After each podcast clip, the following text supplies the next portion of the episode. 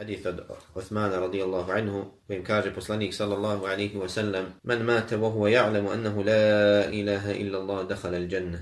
Onaj ko umre, a zna da nema drugog Boga mimo Allaha, ući će u džennet. Ovaj hadith upućuje na vrijednost riječi la ilaha illa Allah i da su one sebeb uzrok čovjekovog ulaska u džennet. Da onaj ko istinski spozna značenje la ilaha illa Allah i Allaha obožava shodno onome na što upućuju te riječi da će ući u džennet. I ovdje u ovom hadithu nije rečeno dakhala al džennet bi gajri hisab wala azab. Nije rečeno ući će u džennet bez obračuna i bez kazne. Ali će ući u džennet. Kaže dakhala al džennet. Onaj ko umre, a zna da nema drugog Boga mimo Allaha, ući će u džennet. U značenju ući će u džennet, pa makar prije toga bio u džehennem. Ali njegovo konačno boravište bit će u džennetu. I ovdje kaže poslanik sallallahu alaihi wa sallam men mate wa huwa ja'damu annahu la ilaha illallah. Onaj ko umre i zna, to jest čvrsto je ubijeđen, čvrsto je ubijeđen da nema drugog Boga mimo Allaha. A čvrsto ubjeđenje za sobom povlači da čovjek radi po onome u što čvrsto vjeruje. Jer u protivnom ako ne bude radio